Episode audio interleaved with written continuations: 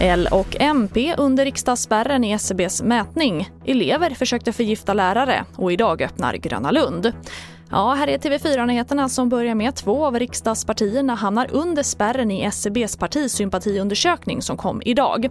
Liberalerna noterar ett historiskt bottennapp med 2,5 procent av väljarnas stöd. Miljöpartiet får 3,8 procent. Den stora vinnaren är Centerpartiet som landar på 9,5 procent. Störst är fortsatt Socialdemokraterna följt av Moderaterna och Sverigedemokraterna.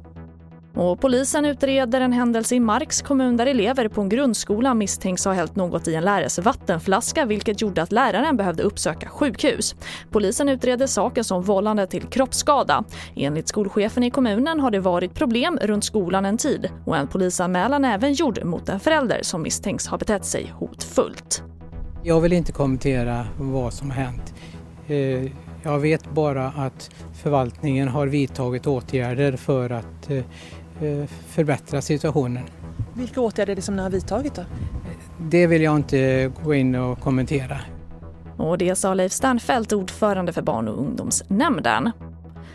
Och vi avslutar med att idag slog Gröna Lund upp dörrarna igen efter att ha hållit stängt i 576 dagar. Med en ny berg och personal som har sett fram emot att nöjesparken ska få öppna säger Gröna Lunds VD Magnus Videll att han ser fram emot en säsong där det kommer vara massor att göra och att man trots ett lägre gästantal fortfarande ska hålla nöjesparken i absolut världsklass.